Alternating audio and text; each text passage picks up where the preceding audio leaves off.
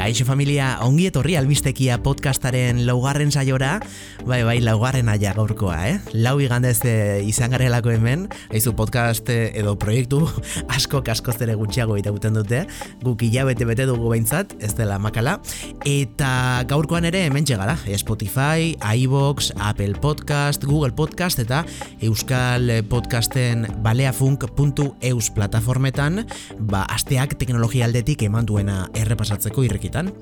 Ni hasierra errasti naiz, Twitter eta Instagramen aurkituko nauzue abildua hasierra errasti kontuetan, eta tira, gehiago luzatu gabe, guazen asteari errepaso ematera.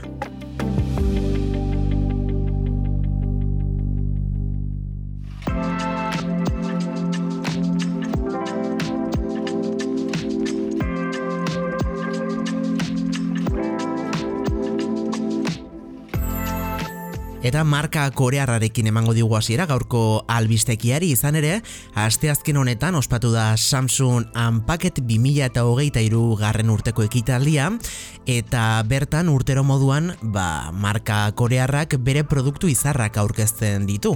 Aurtengoan, bi izan direla esan genezake gutxu gora bera aurkeztu dituen gaiuak, alde batetik e, bere gama altueneko telefonoak, eta beste alde batetik, azken urteetan ba, Samsungen berritasunetako bat izaten jarraitzen duten Samsung Bookak. Hau da, Samsungen ordenagailu portatiak. E, aurkeztutako azkar labur biltze aldera, mugikorretan S23 modeloaren hiru bertsio berri kaleratu dituzte, e, korearren flagshipa, S23 Ultra, S23 Plusa eta S23a ze desberdintasun dagoen batetik bestera? Ba, nagusiki horrela esan da, mm, potentzia, bateriaren autonomia eta pantailaren tamainua. Eta noski, horrekin batera, baita prezioa ere. E, gaur egun bizi dugun inflazio ekonomikoarekin, aurtengo modelorik potenteena, ultra, hain zuzen, egun da berrogeita marra euro garestitu da pasaden urtearekin alderatuz, eta mila laureun eta bederatzi eurotatik aurrera erosi daiteke, badakizuelako, e, bueno, ba, memoriaren arabera eta beste zaugarri txiki batzuen arabera ere, ba, prezioak gora egiten duela eta ordenagailuak ere izan ziren protagonista pasaden asteazken honetan, izan ere Samsungek bere hirugarren portatil eramangarri aurkeztu duelako, Samsung Book hiru hain zuzen.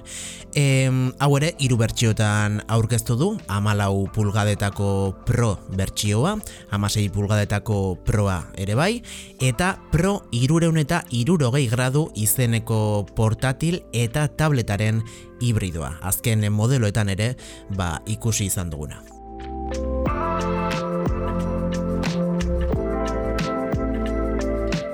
Chat GPT aste honetan ere izan da dudari gabe teknologia albisten artean protagonista, izan ere errekor historiko bat hautsi berri duelako azken egunetan adimen artifizialeko chatbot inovatzaile honek. Uf, Jesus, eh? zenbat errekorari garen izaten azken aste hauetan, eh?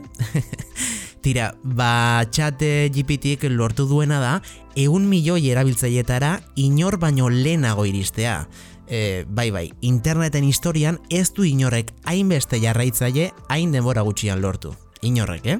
E, adibideak ejartzearen Instagramek hogeita sei hilabetetan lortu zituen eun milioi erabiltzaileak, MySpace web horri alde mitikoak hogeita masei hilabete behar izan zituen, berrogeita amalau hilabeteko lana izan zuen Facebookek kopuru hori lortzen, eta Twitterrek irurogeita bost hilabete. Eta zuen galdera izango da, eta zenbatean lortu du chat GPTik eun milioi erabiltzaile? Ba, bi hilabetetan. Bi hilabetetan besterik ez, eh? Zortzi astetan.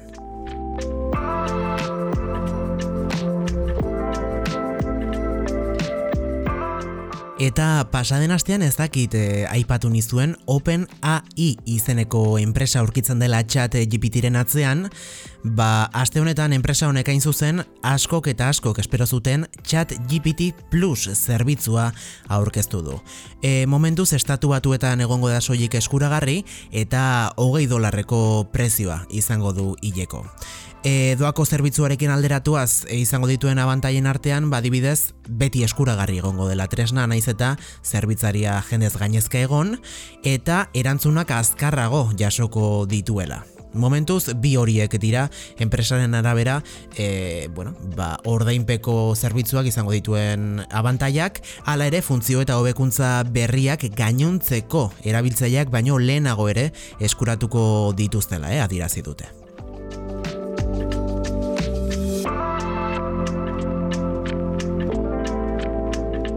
Tira eta chat GPT gora, chat GPT bera, zer uste zenuten? Gainontzeko erraldoi teknologikoak honen aurrean zer egiteko asmorik etzutela? Ba, Googleek besteak beste iragarri du aste honetan aspaldiari dela lanean bere bilatzailean txertatuko duen adimen artifizial batean.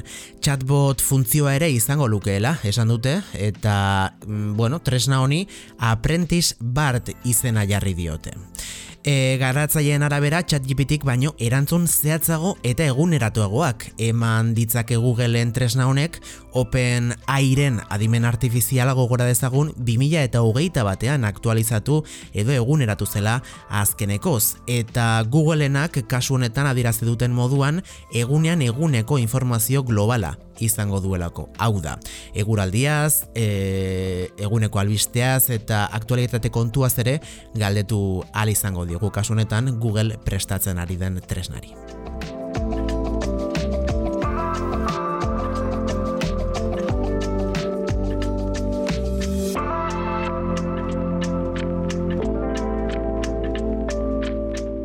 Eta jarraian gaiz aldatuta espaziora egingo dugu bidai. Izan ere NASAren Perseverance Mars izeneko roberrak lehenengo aldiz aste honetan Marteko lur eta hauts laginak jaso dituelako titaniozko amartu berdinetan. Gogora dezagun Perseverance Mars roberra duela bi urte bidalizuela NASAk Martera eta denbora guzti honetan hainbat misio burutu dituela. Azkeneko hau laginak biltzearena sei asteetan lortu du burutzea. Eta noski orain nasak adirazi du historikoa dela lortutakoa. Azkenean gizateriaren lehen lagin bilketa sortzea lortu dutelako beste planeta batean. Eta begia da aurretik etzela horrelakorik egin. Asmoa orain Amerikarren beste misio batean lagin horiek hartu eta lur planetara ekartzea dela ondoren horiek ikertzeko.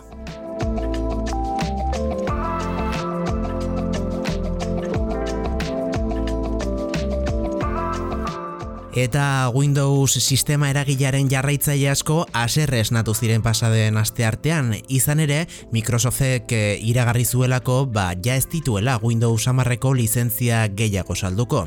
Hortaz, hemendik aurrera Windowsa nahi duenak Windows 11 bakarrik izango du eskuragarri denda online eta fisikoetan. Hori bai, multinazionalak adirazi du momentuz euskarri tekniko ematen jarraituko duela noski 2000 eta hogeita bosteko urrira bitarte.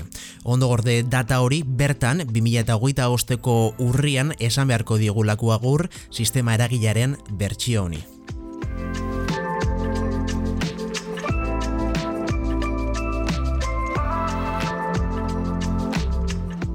Eta bestelakoetan, Twitter Blue txoritxoaren sare sozialak eskaintzen duen ordainpeko zerbitzu berria, aste honetan iritsi da bai ego eta baita ipar euskal herrira ere. Ilabeteko arpidetzak zortzi euro balioko ditu, imposturi gabe, eta urte osoko oferta hartuz gero, zazpi eurotan geratzen da zerbitzu berria. Eta zeintzuk izango dira zerbitzuak eskaintzen dituen abantaiak? Ba, ziur aski garrantzitsuena posizionamentuarena izango da. Elon Muskek adirazi zuelako ordainpeko zerbitzua duten erabiltzaileek ba, ikusgarritasun gehiago izango dutela plataforman. Hau da, zure txioak eh, gainontzeko erabiltzaileen aurrean lehen etxi egingo direlako. Bai arietan, bai txioaten erantzunetan, eta baita e, zure jarraitzaileen timelinean ere. Horretaz gain, e, txioak bost aldiz ere editatual izango dira, hogeita amar minutuko epean, baina hori bai, eh? E, txioa aldatuz gero, e, txio horren historiala edo nork e, ikusi izango du, mm, bueno, ba, zehazki jakiteko zer aldatu den e, txioa publikatu zenetik, ba, jaso dituen eraldaketa guzti horien ondoren.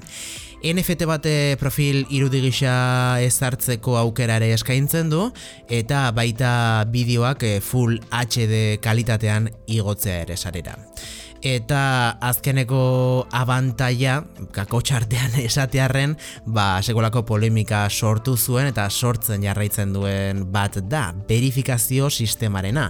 Verifikazio intsignia urdina lortuko duelako zazpi edo zortzi euroak ordaintzen dituen edonork pertsonei publiko edo pribatua izan eta besteak beste adibidez, zuk mm, Twitterren e, kontu troll bat baldin badaukazu, kasu honetan ere bai, ba, verifikazio edo palomita urdin hori ere lortzeko aukera izango duzu.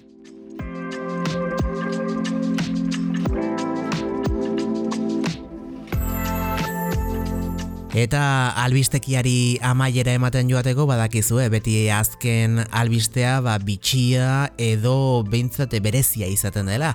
Eta kasunetan gaurkoa bere biziko garrantzia duen albiste bat da. Izan ere azken amarkadetan zientzialari eta biologoak eh, oso kezkatuta dabiltza ba, ekosistemarako hain baliotsuak diren erle polinizatzaien populazioa asko jetxi delako. Eta urteak daramatzate honi soluzioa no nola ipini bueltaka. Hori dela eta Tampereko Unibertsitatean ikertzaile talde bat lehen robot polinizatzailea garatzen ari da. Gaiu txiki txiki hau muskulu artifizial bati esker egiten duegan, haizeak eta eguzkiak gidatuta eta ez du kargarik behar. Gaiu honek leoi hortz lorearen antzerako jarrera naturala e, izatea da helburua eta ekosistema polinizatzea izango da bere eginkizuna. Oraindik e, sortze prozesuan da gaiua, baina dena ondo dijoan einean badirudi ez dela asko falta zientzia eta teknologiari esker erleen ezinbesteko eginkizunean gizakiak ere lagundezan.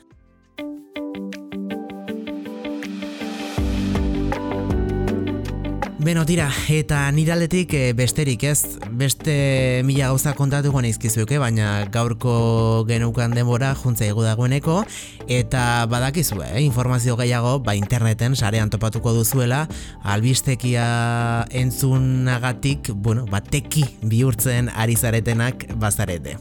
Eta tira, besterik ez, e, dena ondo balde badijo aurrengo igandean entzungo gara elkar, hementxe, zure plataforma gustukoenean. Mia milio milioi esker proiektua zuen sare sozialetan elkarbanatzeagatik eta pues, nire aldetik bausi izan da guztia. Txintxe ibili eta urrengo aster arte.